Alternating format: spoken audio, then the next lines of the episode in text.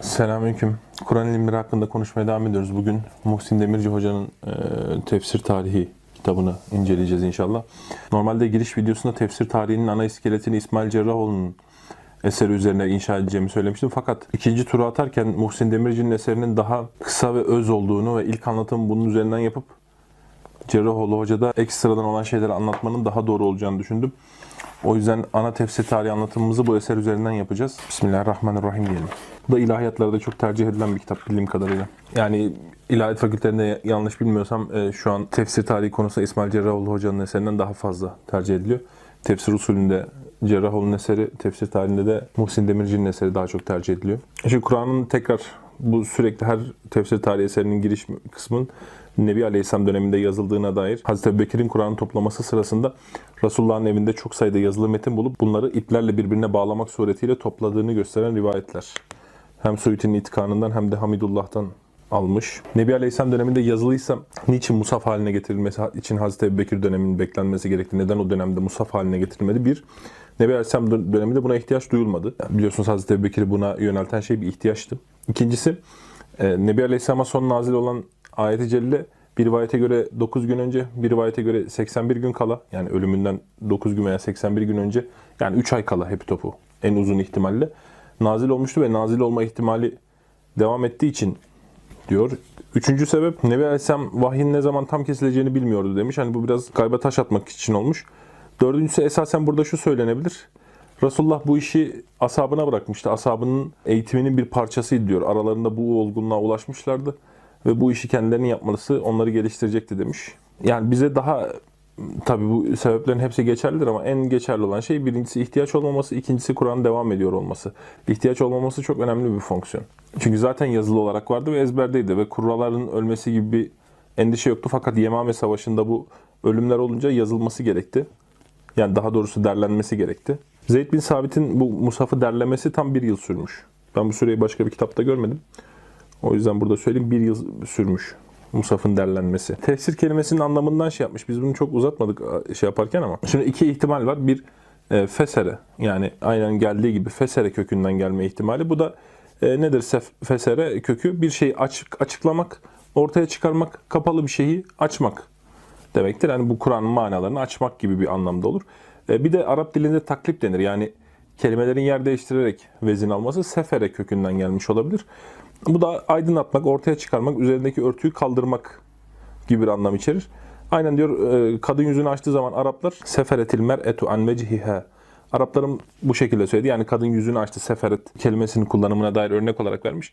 Yani bu da açmak, aydınlatmak demektir aslında. İkisi aynı anlamda yani kalp olsa dahi fesere kökünden gelse, sefere kökünden de gelse yaklaşık aynı manadır. Zaten lugatla ilgili bir kısım ulema bu harflerin yer değiştirmesinin çok e, kökleri etkilemediğini ve hani aynı harflerin bulunduğu köklerin de yaklaşık manaların aynı olduğuna dair sözler söylemişlerdir. Tevil kelimesinin anlamından bahsetmiş. Tevil de döndürmek, aslına döndürmek anlamına gelir. Yorum olarak esasına döndürmek manasına alınmıştır. Daha çok yorum manasıyla kullanılmıştır. Ben bunu tevil ediyorum denildiğinde yorumluyorum, anladığımı söylüyorum gibi bir anlama varması gereken yere vardırıyorum gibi bir anlam ifade eder. Pek çok kelime kökünden anlamı vardır. Buralara da teker teker girmeyeceğim. Bu bizim e, İslami ıslahta mesela tevil kelimesini kıl, kınar bir üslupla kullanılır.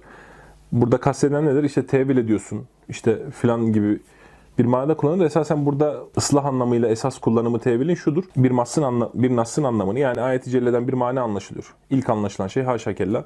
Mesela sıfat ayetlerinden birisi olsa yedullahi fevka idihim Allah'ın eli onların ellerinin üzerindedir. Haşa kella. Allah cisim olmaktan münezzehtir değil mi? E, tevil edenler diyorlar ki biz diyor Kur'an'ın genel manasını anlıyoruz ki Allah Teala beşer sıfatlarından, beşer özelliklerinden uzaktır. Ve el bir beşer sıfattır. O zaman biz bu el kelimesini ilk anlaşılan manasında yorumlamayız. Başka bir delilden dolayı bunu başka bir manaya döndürürüz. İkinci manasına yönlendiririz. Buna tevil denir. E, ıslahtaki kullanımı budur. E, çok kınanacak da bir şey değildir onu da söyleyeyim. Yani çünkü e, bu örnek üzerinde konuşmuyorum ama tevil kelimesinin kınanır anlamda kullanılması çok doğru değildir. Çünkü burada genel delaletten yani ayetlerin, hadislerin toplam delaletinden bir ayetin manasının takdir edilmesi söz konusudur. Yani o ayetin manasının birinci veya ikinci ihtimal var ama ayetlerin genel akışı ikinciyi işaret ediyor. Ayet ve hadislerin genel akışı iki, ikinci manayı işaret ediyor. Biz de onu tercih ediyoruz. Buna ıslah manasıyla tevil denir. Çok kitabın e, şeyine girmek istemiyorum. Daha fazla uzatmış şeyi, konuyu. Harfi tercüme dediğimiz bu Ömer Nasuhi Bilmen Hoca'nın kitabını tanıtırken bunun ben buna değinmiştik. Yani Kur'an'ın tam manasıyla bütün unsurlarıyla tercüme edilmesi meselesi. Yani hem manası hem edebi güzelliği içerdiği şeylerle beraber vesaire. Bunun mümkün olmadığı, imkansız oldu. Na örnek olarak şu ayet-i celleyi vermiş. Ve inna lehu lehafizun. Bir ayet-i bir kısmı üç kelimedir. Ve inna lehu lehafizun. Muhakkak biz onu koruyacağız. Şimdi demiş ki burada üç tane tekit vardır. Nedir bu üç tekit? İnne, değil mi? Tekit mı? İnna. İnna'daki inne tekittir yani muhakkak, kesinlikle, katiyetle. Lehafizunun başındaki le tekittir. Değil mi? Cümlenin fiil değil isim cümlesi olması Arapçada bir tekittir. Yani fiil isim cümleleri Arapçada daha kuvvetli bir anlam ifade eder. Şimdi bu üç tekidi Türkçe'ye nasıl çevireceğiz? Desek ki muhakkak, kesinlikle, katiyen bu Kur'an'ı biz koru, indir, koruyacağız.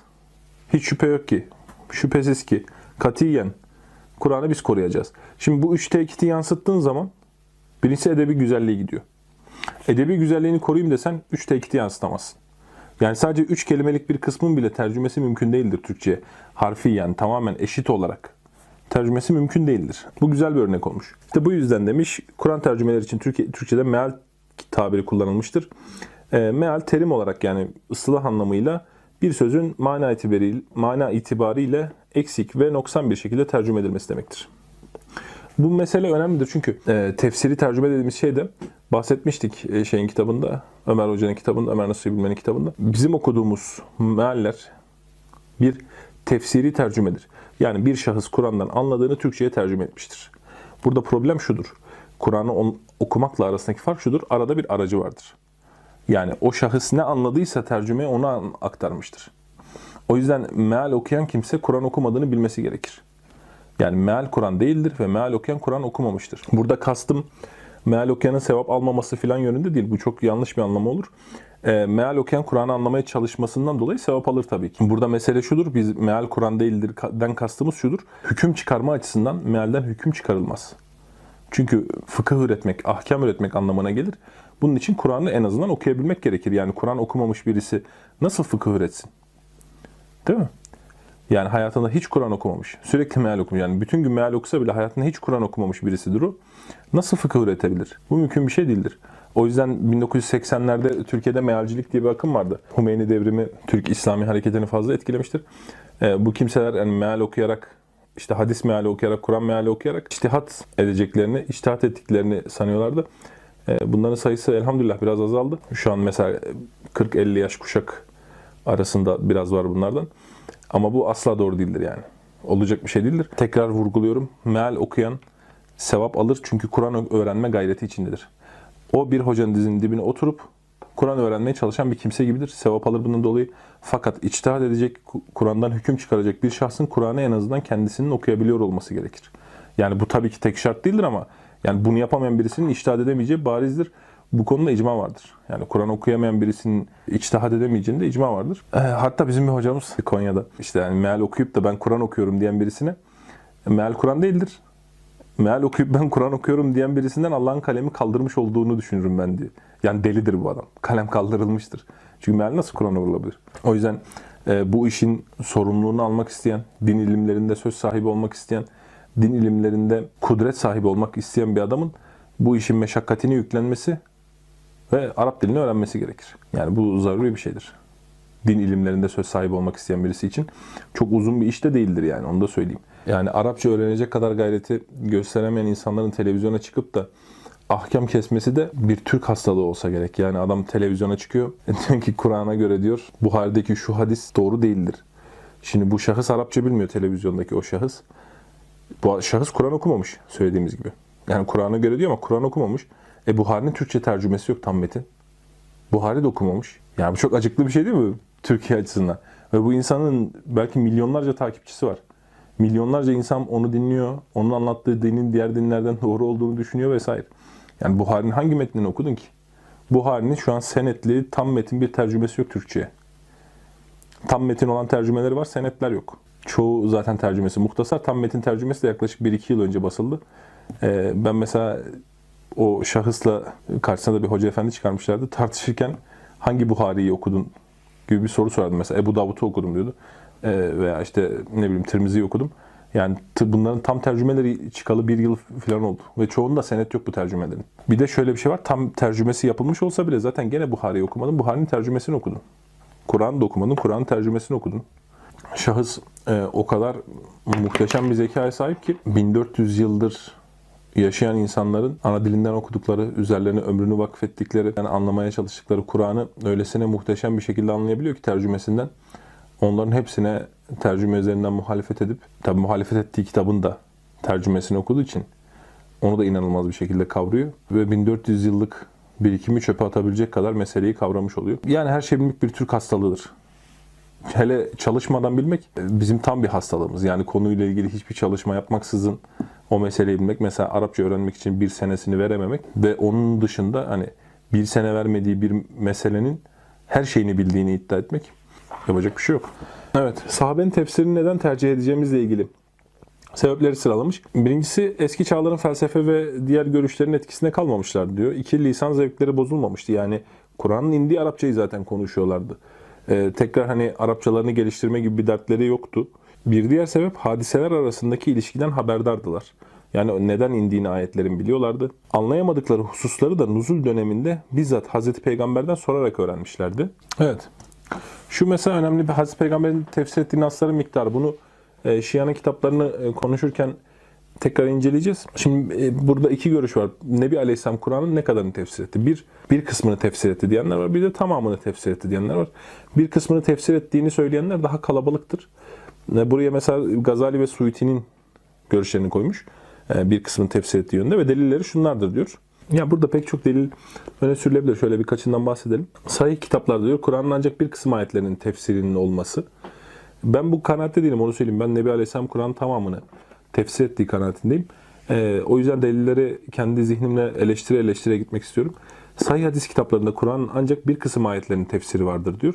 Bu hatalıdır. Yani Nebi Aleyhisselam'ın bu delil hatalıdır. Nebi Aleyhisselam'ın bir ayetin altında şu ayetin manası budur şeklindeki tefsiri çok azdır. Doğru söylüyorlar.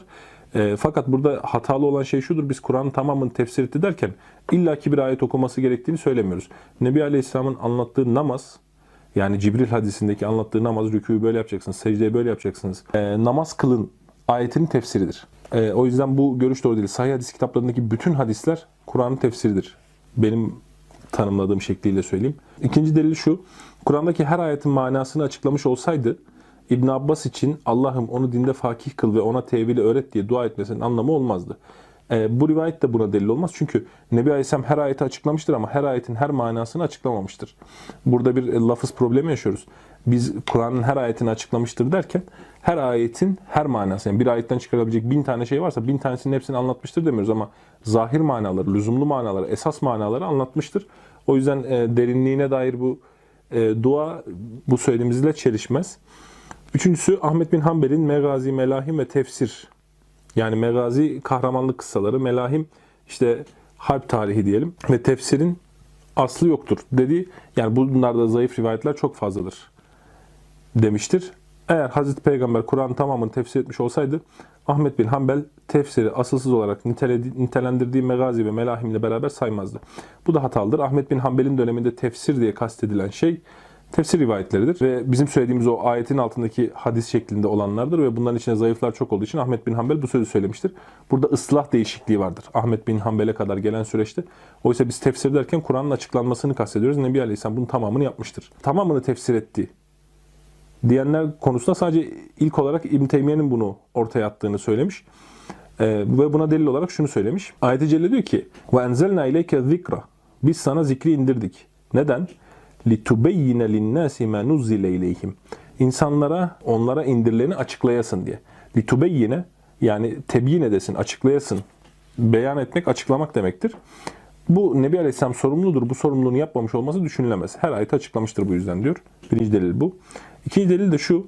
Ashabın Resulullah'tan 10 ayet öğrendiklerinde manalarını kavrayıp sonra tekrar başka ayet almaları yani bu 10 ayeti kavramaları her ayetin tefsirinin öğretildiğini gösterir. Yoksa bütün ayetler hep beraber verirdi tefsir etmeyecek olsaydı. 10 ayeti veriyordu ki bunun tefsirini öğretsin.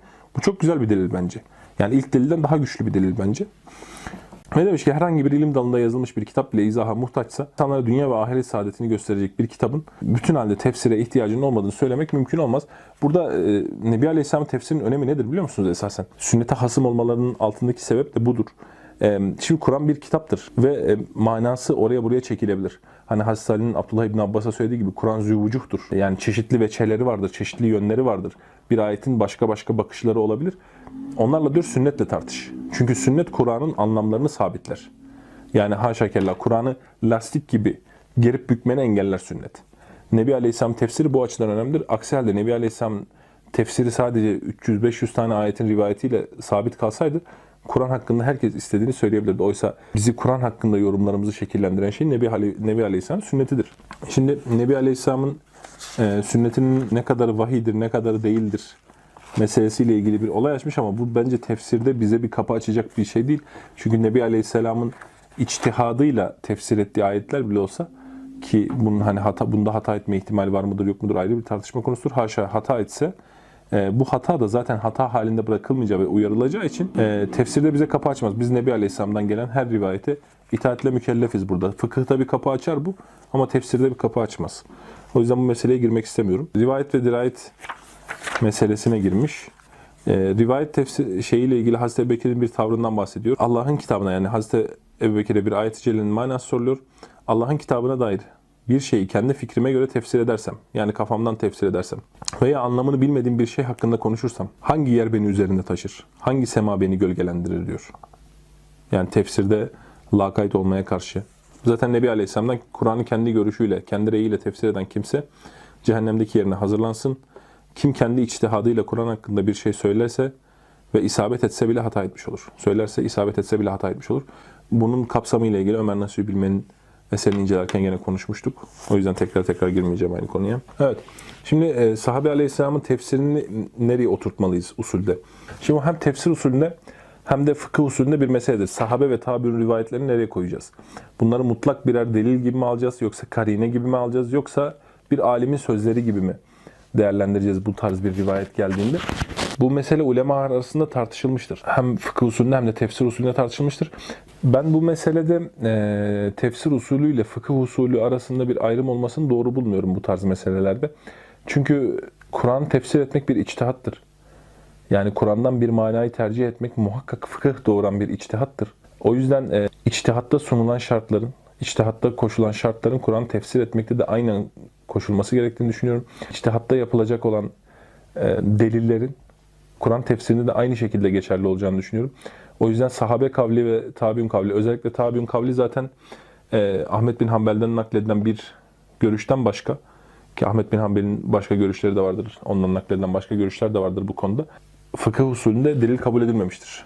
Tabiun rivayeti bir alimin sözü olarak ele almıştır. Delil kabul edilmemişten kastım budur. Yoksa bir alimlerin sözü biliyorsunuz kendi bizatihi delil değildir. Alimlerin delilleri delildir.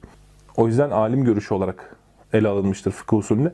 Ben tefsirde de, tefsir usulünde de bu şekilde ele alınması gerektiğini düşünüyorum. Ve sahabe kavline gelince sahabe kavli fıkıh usulünde tartışılmıştır. Ee, gene hakim görüş, kabul edilen yoğunluklu görüş. Sahabe kavlinin de bizatihi delil olmadığı, icmalarının delil olduğudur. Ee, ben tefsir usulünde de aynı şekilde olduğunu söylüyorum. Yalnız şunu söylemek gerekir. Sahabenin sözünü bir alim sözü gibi kabul ettiğimizde bu tabii ki 19. yüzyılda, 12. yüzyılda yaşamış bir alimin sözü gibi değildir. Alimlerin en büyüğün tercihi gibidir. Bu meselede tafsilata da gidilmesi gerekir.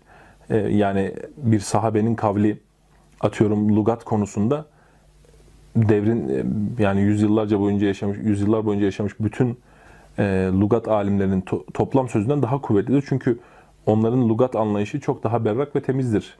Kur'an'ın indiği çağda yaşadıkları için. Sahabenin işte sebebi nuzul rivayeti tabii ki bir tabiinin sebebi nuzul rivayetinden farklıdır. Bir alimin olay algılayışından farklıdır. Ama yani iştihad etme ve istinbat etme yani Kur'an'dan delalet çıkarma manasında sahabe de hani aklını kullanan, e, düşünen e, bir alimdir. Hani burada beşer üstü bir konum verip direkt delil olarak almak e, çok doğru gelmiyor bana ama bu mesele çok daha derin bir mesele, çok daha üzerine düşünülmesi gereken bir mesele. Kati bir görüş söylemek de zor. Genelde de ulema hani sahabe kavlini hem fıkıh usulünde hem tefsir usulünde e, birer birer her sahabenin sözünü delil kabul etmemiştir. Çünkü öyle olursa deliller zaten çatışıyor olur. Çünkü sahabelerin birbiriyle e, tefsirde ihtilafları vardır. Ama bütün halinde icmaları inkar edilemez bir şeydir. İcma ettiklerinde onların görüşleri terk edilmez. Aslında burada daha burada daha güzel olan fıkıh usulünde İmam-ı Azam'ın sahabe kavilleriyle ilgili biz işte sahabeler bir konuyla ilgili görüş belirttilerse onların görüşlerinin dışında başka bir görüş nakletmeyiz. Yani e, mesela toplam sahabeden 3 farklı görüş nakledildi. Biz dördüncü bir görüş ortaya koymayız. Ama bu üç arasından istediğimizi seçeriz. Bakışı bence güzel bir bakış.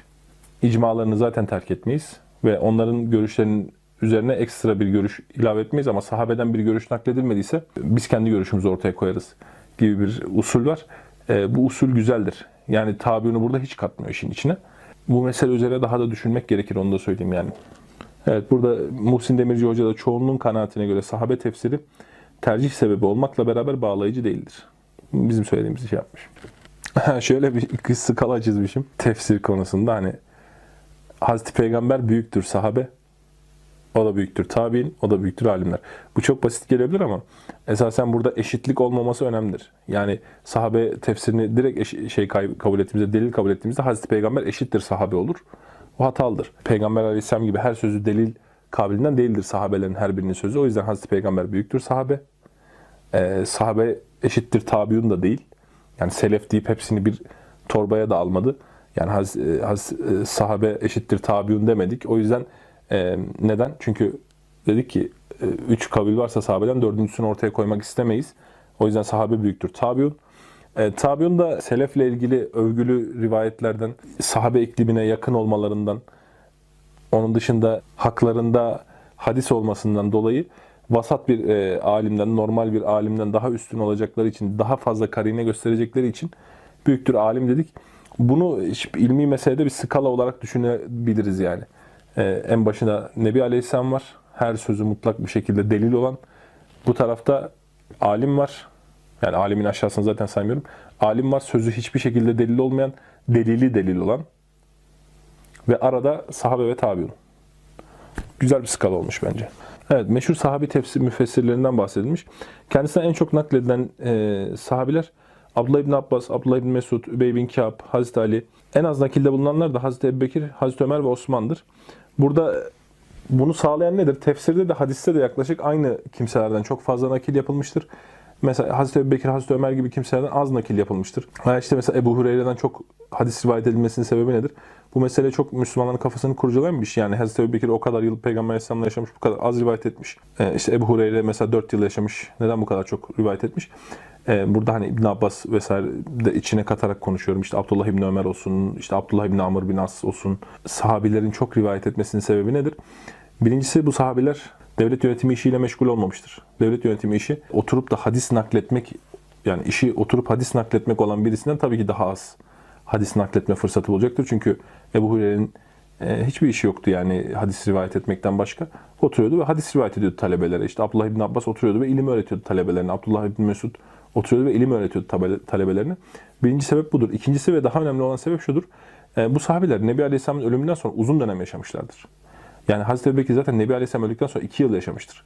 İki yıl içinde devlet işleriyle uğraşırken orada e, irtidat işleriyle mücadele etmek zorunda kalırken siyasi bir çalkantının ortasında yani bir ateşin ortasında kalmıştır Hazreti Ebubekir. Hadis rivayet etmek tabii ki Nebi Aleyhisselam'dan sonra 30 yıl 40 yıl yaşamış bir sahabe kadar fırsat bulamamıştır. Esas amil de budur yani. Bunu göz önünde bulundurmak gerekir. Mekke okulu yani Abdullah bin Abbas'tan e, tefsir öğrenen kimseler Mücahit, İkrime, Said bin Cübeyr, Tavus bin Kaysan, Ata bin Ebi Rabah. Bunların hayatlarından da kısa kısa bahsedeceğim inşallah İsmail Cerrahoğlu'nun eserinde. Bu isimler işte bize çok yabancı geliyor vesaire diye düşünmeyin. Bu isimler inşallah zamanla aşina olacaksınız. Hani gözünüzü korkutmasın. Tefsir okuyanlar zaten bu isimlere aşinadır. Tekrar söylüyorum. Mücahit, İkrime, Said bin Cübeyr, Tavus bin Kaysan ve e, Ata bin Ebi Rabah. Abdullah bin Mesud'un talebeleri yani Bağdat'taki önemli e, tabiun müfessirleri. Alkame, Mesruk, Hasan Basri ve Katade. Yine Übey bin Kâb'ın Medine'deki e, talebeleri Ebul Aliye, Muhammed bin Kabel Kurazi ve Zeyd bin Eslem diyelim. Bu isimleri buraya söylemiş olalım. Burada e, bunların çoğunun e, tabiun müfessirlerinin çoğunun e, şey olduğunu söyleyelim. Mevali denilen yani Arap olmayanlardan olduğunu söyleyelim. Burada İbn Haldun'un bir değerlendirmesini koymuş. E, birincisi Bedeviliğin ve Ümmiliğin Araplarda yaygın olması. İkincisi Arapların siyasi işlere daha fazla hırslı olması ve daha fazla imkan bulmaları onların ilim öğrenmesine engel olmuştur diye İbn Haldun'dan bir değerlendirme yapmış. Bir mesele var. Buna ilk tefsir denmesi doğru değil. İlk tefsir kitabı Mukatil bin Süleyman'ın kitabıdır ama ilk tefsir değildir. İlk tefsiri Nebi Aleyhisselam yaptı. Hatta ilk tefsiri Hazreti Hatice bile yapmış olabilir. İkra suresine e, getirdiği yorumla. Evet, Mukatil bin Süleyman'ın tefsirinden bahsetmiş. Bu bir tefsir tarihi kitabı olduğu için. E, Mukatil bin Süleyman tefsiri şu an bas- basımı var. E, çok eski tefsirlerden birisi. Yeni tekrar basıldı. Şu tefsir, Mukatil bin Süleyman'ın tefsiri. Üç cilt bir baskısı var. Yeni bu tefsir basıldı. Mukatil bin Süleyman müşebbiheye yani Allah'ı cisime benzetenlere nispet edilmiştir. Genel ben muhtevasını benim teker teker buradan şey yapmak zorunda kalmayalım. Hadis konusunda e, mutlak bir şekilde bütün hadis imamları tarafından zayıf görülmüştür. Nakilleri konusunda, rivayetleri konusunda. Fakat tefsiri pek çok övgü almıştır. e, pek çok kimseden. Şunu da söyleyeyim. Tefsirinin içinde mücessime ve müşebbihe olduğuna dair yani Allah'ı bir cisme veya bir varlığa benzettiğine dair bir şey yok. Yani görüntü yok. İsmail Cerrahoğlu Hoca'nın tefsirinde buna tefsir tarihi kitabında buna biraz daha detaylı değineceğiz ama o diyor ki e, daha sonra bu görüşe sahip olmuş olabilir tefsiri yazdıktan sonra. Buna konuşalım inşallah. Meşhur Ferra Meanil Kur'an yazarı. Bu da ilk tefsirlerden birisidir. E, Halil bin Ahmet'ten ders almış. E, evet, lugat ve gramer konusunda çok önemli bir tefsir. Ferra'nın tefsiri. Bu isimleri de inşallah ileride aşina olacaksınız. Sıfır yani bu konularla ilgili hiçbir şey duymadıysanız bu size sadece kulak dolgunluğu yaratacaktır bu videolar. O yüzden iki tekrar yapmanızı öneririm. Bundan da hani yüksünmeyin ben bir şeyi niye iki kere okuyayım diye. Ben size açık söyleyeyim. Şöyle buradan gösterebilir bilmiyorum ama ben bu kitabı dört kere okumuşum. Size tanıttığım kitapların yarısından fazlasını 4 veya 5 kere okuduğumu söyleyebilirim. Kitapları tekrar tekrar okumaktan çekinmeyin. Bu videolarda hani hiç daha önce tefsir usulüyle ilgili bir şey duymadıysanız, okumadıysanız size kulak dolgunluğu yaratır sadece. Meseleyi öğrenmenizi sağlamaz. Bütün videoları teker teker izleseniz bile. Çünkü bir şeyi ilk dinlediğinizde ve okuduğunuzda bir konuyla ilgili ilk şeyler okuduğunuzda sadece kulak dolgunluğu oluşur. Şahısları ve isimleri e, ve konuları şöyle bir muhteva olarak kaba taslak zihninizde belirir. O yüzden iki kere, üç kere dinleyebilirsiniz bu video serisini. Bunu da bir tekebbür için söylemiyorum. Ben e, böyle bir şey çekilmiş olsaydı, böyle bir kanala denk gelseydim her videosunu iki üç kere izlerdim onu söyleyeyim. Ve izliyorum da bu tarz şeylerin. Hani başka bir şeyin de reklamını yapmış olayım. Mesela Yale Üniversitesi'nin e, Antik Yunan tarihi dersleri tercüme edilmiş altyazıyla. 20'ye yakın dersi birer saatlik ve mesela psikoloji giriş derslerini falan da atmışlardı. Ben bunların hepsini ikişer üçer kere izledim. E, ikişer kere izledim. Hatta 20 derste toplam birer saatten iki, iki kere. Çünkü benim e, YouTube'umda şey var. Telefonumda oynatma listesi olarak şey var. Tekrar diye bir bölüm var. Çok beğendiklerimi oraya atıyorum. E, bir, iki yıl sonra tekrar muhtemelen izlerim onu. E, o yüzden böyle şeyleri çok çekinerek kaçmayın böyle şeylerden. Zahmetsiz bir şekilde ilim öğrenilmez. Ebu Beyde'nin Mecazül Kur'an'ı onda haricilik ve kaderiyecilikle itham edilmiştir diyor. Bütün ayetleri tefsir etmemektedir. Şu an bunun baskısını muhtemelen bulamazsınız. Ben fotokopi baskısı gibi bir baskı bulabildim. E, İmam Taberi'nin tefsirinden bahsetmiş. Rivayet tefsirlerinde bizim elimizdeki derli toplu ilk tefsirdir. Ve gerçekten zirvesidir. Üstü hala yazılmamıştır. E, şöyle göstereyim. Buradaki tefsir. E, 700 sayfadan e, benim elimdeki 7, ortalama 700 sayfadan 12 cilt. E, Türkçe'ye bir tercümesi var ama Türkçe tercümesi kesinlikle Taberi'nin e, kendisi değil onu bilin. Taberi tefsirine dair övgüleri duyunca hem ilahiyat talebeleri hem İslam ilimlerle uğraşan gençler hemen Taberi'nin tefsirini satın almak istiyorlar. Türkçe'de 6 ciltlik falan bir baskısı var. E, ama yani kuşa çevirmiş İmam Taberi'nin tefsirini. Hani Arapça tefsirler Türkçe'ye tercüme edildiğinde hacim çok artıyor. Çünkü Arapça kitapların yazı puntosu çok şey Arapça kitapların yazı puntosu küçük. Mesela bu bir, bir cildi kaç sayfa? 850-900 sayfa. Yaklaşık olarak söylüyorum. 12 cilt desek 10 bin sayfanın üzerinde bunun Arapçası. Ee, Türkçe'ye tercümesi yaklaşık 15 bin sayfayı bulur. Çünkü çok daha büyük puntolarla basıyorlar Türkçe kitapları. Küçük aynı puntoyla basılsa bile gene e, 11-12 bin sayfayı bulur. Çünkü ayetlerin meali falan verileceği için. 12 bin sayfada 600 sayfaya bölünse 20 ciltten aşağı olmaz ama o tefsir 6 cilt basılmış. Kesinlikle Taberi'nin aynısı değil onu söyleyeyim. Arapça öğrenmeniz gerekir Taberi'nin tefsirini okumak için. Çünkü Taberi'nin tefsiri zaten Türkçesinden de çok okunacak bir kitap değildir. Çünkü e, rivayet ağırlıklı kitapları Türkçesinden okumayın. Arapçasından okumaya çalışın. Taberi'nin tefsirinin içeriği çok yoğundur. Sadece bir rivayet tefsiri değil. Taberi'nin aşılamamasının sebebi onun gibi rivayetlerin toplanamıyor oluşu değil. Onun iktidarıyla bu rivayetlerin değerlendirilmesi, yorumlanması vesaire yapılamadığı içindir. Çünkü Taberi naklettiği rivayetleri yorumlar, değerlendirir. Fıkıh konusunda çok derindir. Zat konusunda hakeza kıraatler konusunda çok e, derindir. E, üstü yazılamamış bir tefsirdir ve yakın dönemde bulundu baskısı daha evvelinde yoktu. Yani 1600'lerde 1700'lerde tefsir yazan birisinin e, Taberi'den faydalanma imkanı yoktu maalesef. Tabi tabi Taberi'nin tefsiri bulunamasaydı da e, burada e, işte yok olmuş bir ilim olmayacaktı. Şunu unutmayın. Bir tefsir olmasa bile yani bulamasak bile o tefsir ümmetin bilgi kültürü içinde erimiş, erimiş olurdu. Yani Taberi'nin tefsiri olmasaydı bile onun çağdaşları o tefsiri okumuş olacaktı. Onunla kitaplar yazmış olacaklardı. O bilgiyle fıkıh üretmiş olacaklardı veya diğer tefsirlerden nakiller şeklinde gelmiş olacaktı. Ümmetin ana akım o deresinin içine Taberi'nin tefsiri akmış olacaktı. Bugün elimizde olması tabii ki bir avantajdır ama biz bu bilgiye zaten sahip olacaktık. Taberi'den gelen o bilgiye sahip olacaktık. Sahabelerin ilimleri de böyledir mesela. İşte Ebu Derda'nın ilmi elimizde bir kitap olarak yok ama ümmetin ana deresine akmıştır. Ana akım dediğimiz ehli sünnet buna sahip olduğu için kıymetlidir zaten. Yani diğer fırkalar belli başlı hususlarda itiraz etseler dahi onlara verilen cevaplar hem daha güçlüdür. Hakeza hiç cevap verilemese ümmet bunu yapmıştır denilse bile e, bunun delil olma yönü olması bundan kaynak. İsraili haberler nakletmiştir. Büyük bir kısmında e, rivayet lafızlarıyla bunun e, İsrailit olduğuna işaret etmiştir. Bir kısmında rivayeti nakletmiştir ama bu bizim için önemli bir mesele değildir demiştir. E, burada eski ulema rivayetleri naklederken sadece işte okunsun ve ondan ibret alınsın diye nakletmezdi. Bu bir ilim olarak yapılırdı. Daha önce söylemiştim ve alimler okusun diye yapılırdı. Böyle de bir rivayet var. Haberin olsun cinsinden toplamıştır çoğunu. Evet, İmam Nevevi bu tefsirin bir be- benzerinin yazılmadığı konusunda ümmetin ittifak ettiğini söylüyor. Suiti onun tefsirlerin en değerlisi olduğunu beyan ediyor. Begavi'nin tefsirine geçmiş. Hadis ilminde Begavi önemli bir kimsedir. Haricen e, İsrailiyata bolca yer vermiştir diyor. Bu tefsirlerle ilgili parça parça söylediklerim bütün tefsir tarih kitaplarından teker teker söyleyeceğim inşallah. En son tefsirlerin toplam değerlendirmesiyle ilgili e, size inşallah bir skala hazırlayıp bir yorumda bulunacağım. Ama şu an tefsirlerle ilgili bilgileri parça parça nakletmeye çalışıyorum inşallah. E, İbn Cevzi'nin tefsirinde de gene ahkam ayetleri çok, lugat açıklamaları çoktur. E, İsrailiyata yer vermiştir. Onun dışında itikadi bakımdan selefidir İbn Cevzi. İbn Kesir'in tefsirine geldiğimizde İbn Kesir'in tefsiri Taberi'den daha fazla okunmuştur. Hem muhtasardır, daha kısadır hacim olarak. E, hem de çok güzel derlenmiş bir tefsirdir. Ümmetin çok beğendiği bir tefsirdir. İbn Kesir İbn Teymiye'nin talebesidir. Kendisi Eşari ve Şafi olmasına rağmen İbn Teymiye'nin görüşlerine çok fazla meyletmiştir. Onu çok sevmiştir. Şaz görülen fetvalarında onunla beraber olmuştur. Bu yüzden belaya, İbn Teymiye'nin başına gelen belalara o da maruz kalmıştır. İbn Teymiye'nin yanına gömülmüştür. Orta derece hacme sahip bir tefsir, Kur'an ve tefsir araştırmacılarına tavsiye edebileceğimiz eşsiz kaynaklardan birisidir demiş. Muhsin Hoca.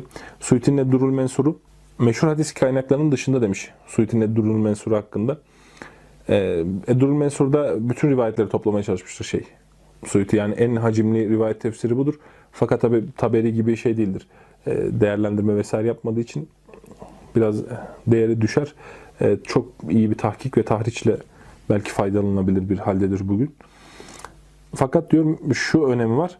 Yüzü aşan müellifin yani çok ana eser, ana eser olmayan mesela İbn Ebi Dünya, Firyabi, Bezzar, Said bin Mansur, Hakim et-Tirmizi ve benzeri yüzü aşan müellifin eserlerinden nakiller bulunmuş, bulunmaktadır.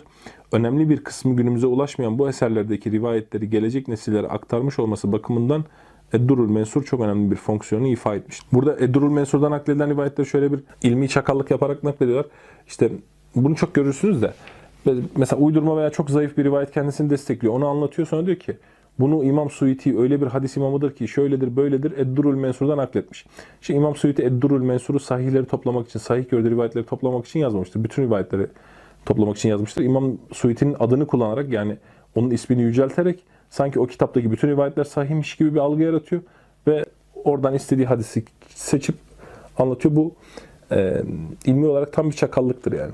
Yoksa kimse Suyuti'nin hadis imamlığını tabii ki inkar edemez yani. Dirayet tefsirlerine geçmiş. İmam Razi'nin tefsirinden bahsetmiş. Ee, İsraili haberleri tefsirini almamıştır ve sağlam akli delillerle onları tenkit etmiştir diyor. Kıraat meselesine önem vermiştir. Kevni yani kozmolojik ayetleri tefsir ederken bilimlerden faydalanmıştır. Evet, fıkıhta Şafi olduğu için Şafi mezhebi konusunda Şafi mezhebinin görüşlerini daha çok tercih etmiştir. Hatta bu konuda bazen taassuba düştüğü bile oluyor İmam Razi'nin. Çok uzun ve büyük bir tefsiri var. Arap şiirini kullanmıştır tefsirinde. Daha sonra Kadı Beydavi'nin tefsiri Ee, Osmanlı'da çok okunmuş bir tefsirdir. Ne demiş Beydavi'nin tefsiriyle ilgili? Fıkhi mezheplerle ilgili ihtilaflara yer vermiştir. Kozmolojik nasları yorumlarken isabetli bir ilmi tefsir kullanmıştır. Hangi ayet-i celleyi? Neml suresi 27-88 ayet-i cellenin tefsirinde dünyanın yuvarlaklığını ve hareket etmekte olduğunu ayrıntılı bir şekilde ortaya koymaktadır. E, bu çağın üzerindedir yani Beydavi 1100'lü yıllarda yaşamış. Maalesef daha önce söylemiştik. Salebi'nin, Zemahşeri'nin e, naklettiği Übey bin Kâb'dan surelerin faziletiyle ilgili naklettikleri uydurma rivayeti Beydavi de tefsirini almıştır. Ebu Suud'da da vardır bu. Hatta Şiilerden Tabersi de bunu almıştır şeyine. E, bu rivayetler burada da var maalesef. Hatip Şirbini bunların mevzu olduğunu bildirmiştir diyor. Buna dikkat çekmiş yani tefsirinde. Ondan sonra İmam Nesefi'nin tefsiri. Ee, İmam Nesefi'nin tefsiri de şöyle söyleyebiliriz. Zemahşeri'nin tefsirindeki o faydalar Beydavi'ye geçmiştir. Beydavi oradaki mutezile görüşlerini törpülemiş ve eşari bir şekliyle, eşari şafi şekliyle ehli sünnetin içine almıştır. Oradaki incelikleri, lugat inceliklerini, dil inceliklerini. Eşari şafi olduğu için İmam Nesefi de bunu Maturidi e, Hanefi çizgiye çekerek bir tefsir daha yazmıştır. Fıkhi konularda Hanefi mezhebini görüşlerini tercih etmiştir İmam Nesefi. Akaid ile ilgili meselelerde İmam Maturidi'nin görüşlerini tercih etmiştir. Ebu Suud'un tefsiri. Ebu Suud demiş Hanefi mezhebine mensup olmakla beraber hiçbir zaman mezhebi taassup içine girmemiştir.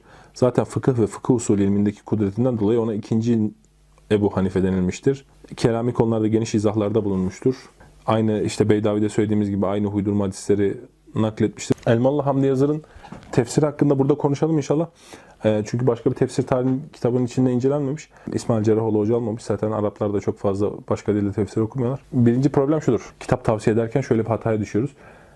Türkiye'de tefsir okumak isteyenlerin tamamına neredeyse %95 oranında Elmalı Hamdi Yazır'ın tefsiri güvenilirdir. Onu oku diye çok meşhur olduğu için hemen onu tavsiye eder. Fakat ilmi donanımı olmayan bir insan Elmalı Hamdi Yazır'ın tefsirini anlayamaz. Elmalı Hamdi Yazır'ın tefsiri ağır bir tefsirdir. İçinde hem kelami meselelere girmiştir.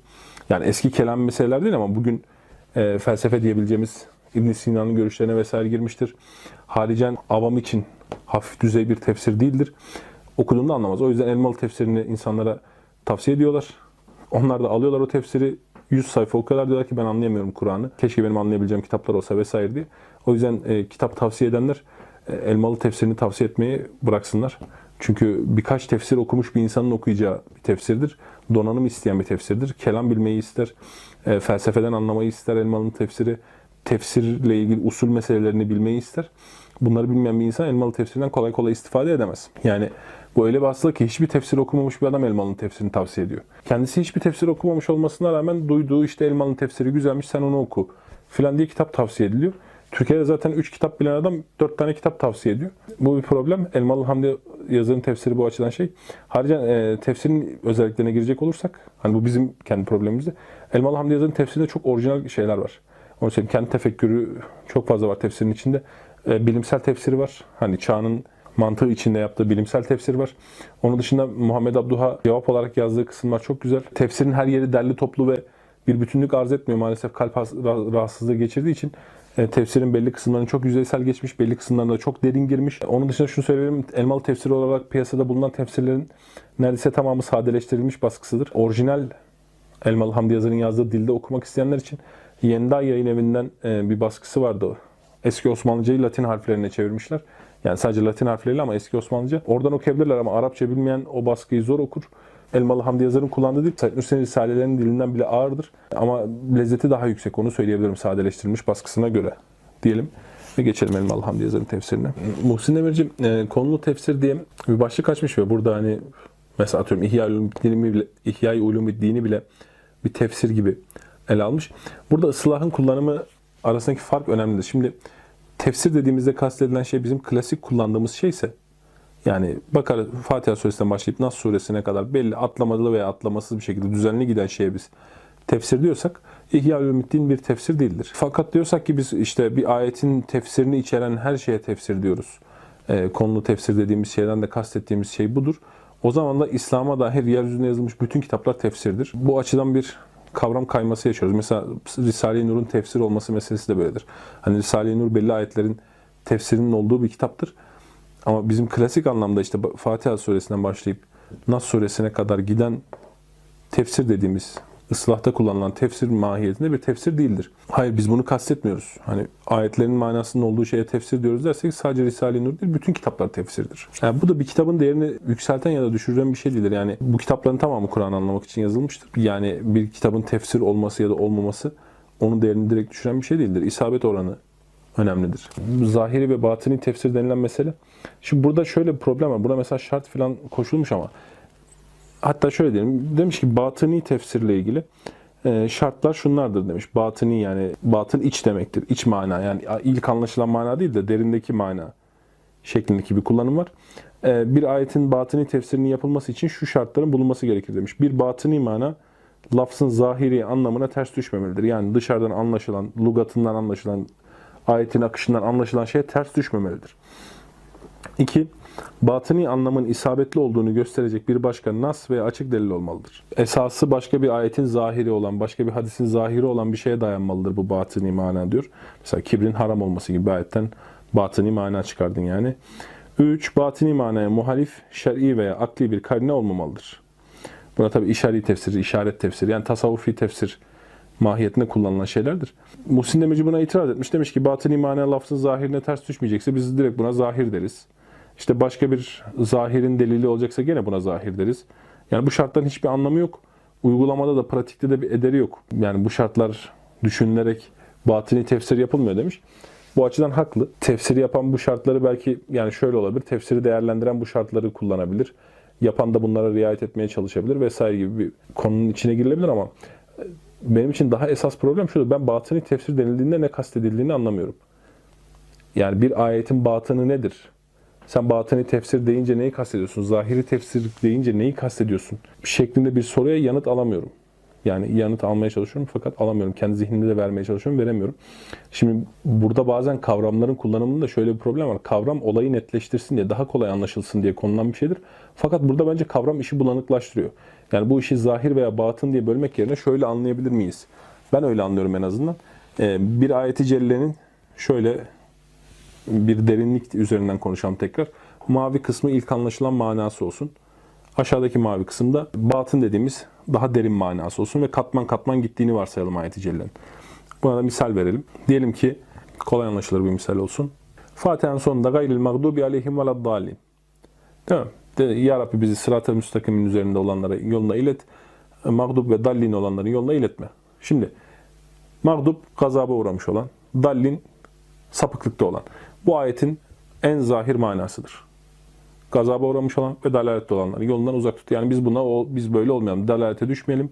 Senin gazabına uğramayalım. Bu en zahir manasıdır. Bir tık daha içeri girdiğimizde bununla ilgili bir tefsire denk geliriz Nebi Aleyhisselam'dan. Nebi Aleyhisselam der ki gazaba uğramış olanlar Yahudilerdir. Dalalete sapanlar Hristiyanlardır. Bir tık daha batına indik fark ettiğiniz üzere. Yani batın böyle bir şeyse, bir derinlikse. Bir tık daha indiğimizde biz diyeceğiz ki bu Yahudiler neden gazaba uğradılar da Hristiyanlar dalalete saptılar? Sonra biz Kur'an'ın genel mahiyetine vardığımızda e, burada gazaba uğrayan Yahudilerin işte ilmi bilip onunla amel etmeyen kesim, dalalete düşen Hristiyanların da ilmi hiç bilmeyen ve bu yüzden sapkınlığa düşen kesim olduğunu öğrendik. Bir tık daha batın indik. Peki ben buradan bir tık daha batın indim diyelim. E, bu dalalet kelimesiyle kulun bidat, her bidat dalalettir kelimesini birleştirdim ve Hristiyanların ahlakı bidata yakındır ve bidatçılar genelde dalalet ehlidir, ilmi kaybetmişlerdir vesaire gibi bir mana indim. Gördüğünüz gibi katman katman ayetten aşağı doğru indik. Ayetin en zahir kısmından en aşağı kısmına kadar. Ben zahir ve batın denilince böyle bir şey anlıyorum. Eğer bu manasıysa hani buna çok böyle isim vermenin anlamı yok. Ee, çok isim vermek doğru olmayabilir. O yüzden bunu şöyle değerlendirmek daha mantıklı. Yani ayetin e, işaret ettiği, ayetin delil olduğu mana ve olmayan mana. Ayetten çıkarılabilecek mana veya çıkarılamayacak mana. Çünkü bunlara illa isim verdiğimiz zaman konu daha net hale gelmiyor bana sorarsanız. Daha da bulanıklaşıyor. Bu ayetten bu mana çıkar mı, çıkmaz mı? Çok ince bir mana. Evet sen buna batın diyorsun. Bu ayetten bu mana çıkar gibi bir zeminde ele alınsa sanki daha berrak olacakmış gibi geliyor bu ihtilaf. Hoca Hasan Basri, Caferi Sadık ve Abdullah İbni Mübarek'i işari tefsirinin ilk temsil, temsilcileri olarak saymış ama burada Hasan Basri ve Abdullah İbni Mübarek'in zühd yönüyle tasavvufun ilk önderlerinden olmasından yola çıkmış olmalı. Ama çok hani Hasan Basri ve Abdullah İbni Mübarek'ten rivayet edilen işari bir tefsir bilmiyorum ben. Onu söyleyeyim. Hasan Basri'den rivayet edilenler bildiğin diğer diğer tabiundan rivayet edilenler gibidir. Bazıları daha işaridir. Rahmetullahi aleyh. E, şimdi fıkhi tefsire geçmiş. Fıkhi tefsirle ilgili her tefsir tarihi kitabında şöyle bir giriş var. E, işte Kur'an'daki fıkhi ayet sayısı işte 500'dür, 800'dür, 150 denmiştir filan gibi bir mesele var. Ben bunda da kavramın doğru oturmadığını düşünüyorum. Kur'an'daki fıkhi ayet denilen şey hani bir ilmi halde veya bir e, fıkıh kitabında bab açılan ayetler değildir tabii ki. Kur'an'da fıkhi olmayan bir ayet yoktur. Kendisine fıkıh üretilmeyen hiçbir ayet yoktur. Yani her ayetten fıkıh üretilmiştir. Yani Kur'an 6000 küsur ayettir ve bu ayetler içinde ben bundan fıkıh üretmiyorum, bundan fıkıh üretilmemiştir diyeceğimiz bir ayet yoktur. O yüzden bu sayılar bana çok suni geliyor. Önemli bazı fıkhi tefsirler demiş. Şafii'nin Ahkamul Kur'an'ı Beyhaki tarafından derlenmiştir. İmam Şafii böyle bir tefsir yazmamıştır. Beyhaki onun e, tefsirlerini derlemiştir. E, bu Zahidül Kevser'in ön sözüyle basılmış. İmam Tahavi'nin e, bir Ahkamul Kur'an eseri var. Kessas'ın Ahkamul Kur'an'ı var. Kıya Herrasi'nin Ahkamul Kur'an'ı var. Ebu Bekir İbn Arabi'nin Ahkamul Kur'an'ı var. Bunları daha detaylandıracağız inşallah şeyde. Ama bu beşi esastır yani. Evet, içtimai tefsir ekolü diye bir ekol başlığı açılmış. Modern mutezile denilmiş ama çok doğru sayılmaz bence. Yani en azından Seyyid Kutup buranın içine sokularak değerlendirilemez. Belki Abduh için daha doğru olur bu. Seyyid Kutup hakkında demiş ki Kur'an'ın mevzi değil mevzu. Yani ayet ve ayetlerin kelime ve cümle terkiplerinden, yapılarından değil, genel anlamlarından çıkarılmış bir tefsirdir demiş. Kur'an'ın mesajını ortaya çıkaran, bunda da büyük ölçüde başarılı olan bir müfessir olarak değerlendirebiliriz demiş Seyyid Kutub'u. Allah izin verirse tefsir hakkında uzun uzun konuşacağım. Bu eserlerde çok fazla değerlendirmesi yok. Mesela Mevdudi'nin tefsiri bugün belki dünyada en sık okunan tefsirlerden birisi haline geldi. Ama bu tefsir tarih kitaplarının hiçbirisinin içinde yok. O yüzden ben hani en son bir tefsir değerlendirmesi videosu çekip bu eserlerden bahsedeceğim. Daha sık okuduğumuz eserlerden de bahsedeceğim. Tarihi önemi daha az olan ama daha sık okunan. Muhammed Abduh'un tefsirinden bahsetmiş. Ee, ve onda eleştirilen noktalar şunlardı demiş. Daima aklı naklin önüne geçirmesi, Buhari ve Müslim'den bir kısım hadisleri zayıf ve mevzu de diye değerlendirmesi. Ondan sonra aşırı tevillere gidip Kur'an'ın bütünlüğüne zarar vermesi. Mesela Fil suresindeki kuş sürülerini çiçek hastalığı diye yorumlaması ki bu konuda Elmalılı merhumun çok çok güzel bir cevabı var. Tefsirin içinde buna Elmalılı Hamdi Yazır'ın. Enfes bir pasaj. Hani İslam bilimlerle ilgilenenler oralara bakabilir. Modernist tefsir ekolü demiş. Yani modernist tefsir ekolü ilhadi tefsir diye bunu İsmail Cerrahoğlu'nun demiş. Yani bozgun sapkın tefsir diye. E mesela burada e, bir örnek vermiş Seyit Ahmet Han'dan. Ne işte mesela cinleri işte hastalık ve diğer ol- olumsuzlukların projeksiyonları, şeytan nefsi emmare e, gibi mesela hani her şeyi pozitivist bir şekilde ele alarak yapan tefsirlerden bahsetmiş. Mesela İbrahim Aleyhisselam'a ateşin serinlik ve esenlik olmasını Allah'ın Hazreti İbrahim'i ateşe düşmekten kurtarması. Yani ateşe hiç düşmedi. Yoksa ateş düşseydi yakardı filan diye şey yapmış işte. Tefsir etmiş. Bu akılcı düşünceden hareketle Emir Ali de tıpkı Seyyid Ahmet Han gibi miracı maddi bir olay, olay olarak yorumlamış. Çok evliliğin kaldırılmasını savunmuş ve İslam'ın siyasi bir sistem olarak demokrasiden yana tavır aldığını söylemiştir demiş. Çok buralara girmek istemiyorum. Ben bunları tefsir olarak görmüyorum. Mesela işte faiz, Fazlur Rahman'ın tefsir şeyinden örnek vermiş. Mesela faizin işte eskiden kaba sömürüydü bugünkü bankalar Allah razı olsun bizim hep dostlarımız, yardımcılarımız o yüzden faiz ayetleri kapsamına girmezler filan cinsindeki tefsirlerinden bahsetmiş. Bunların e, Türkiye'deki versiyonlarını e, insanlar hatırlayacaktır yani. Hırsızlığa kol kesme cezasının hafifletilmesi gerektiğini söyleyen kimseler var. Onunla ilgili güzel bir cevap vermiş Muhsin Demirci. Demiş ki Kur'an demiş bir kısım cezaların takdirini insanlara bırakmıştır. Bir kısmını da kendisi takdir etmiştir. Bu kendisini takdir ettiğini değiştirilemeyeceğini gösterir zaten. Ve haricen diyor bu hırsızlığa verilecek cezayı caydırıcılık olarak ele alacaksak diyor. Daha caydırıcı bir ceza verip daha mı ağırını verecekler diyor hırsıza kol kesme cezasından. Hayır diyor bilakis caydırıcılığını azaltacaklar diyor. Yani daha caydırıcı bir ceza mı verecekler? Hani Kur'an'ın maksadını biz yerine getirmeye çalışıyoruz. Kur'an'ın maksadı bugün kol kesmeden de e, oluşur diyenler diyor. Daha ağır bir ceza mı verecekler diyor. Yeterli caydırıcılığa ulaşan en hafif cezayı Kur'an zaten takdir etmiştir diyor. Muhsin Demirci'nin tefsir tarihi eserini bitirdik. Ee, söylediğim gibi e, kısa, öz derli toplu bir eser. Ee, Ve ahiru davana enelhamdülillahi rabbil alemin.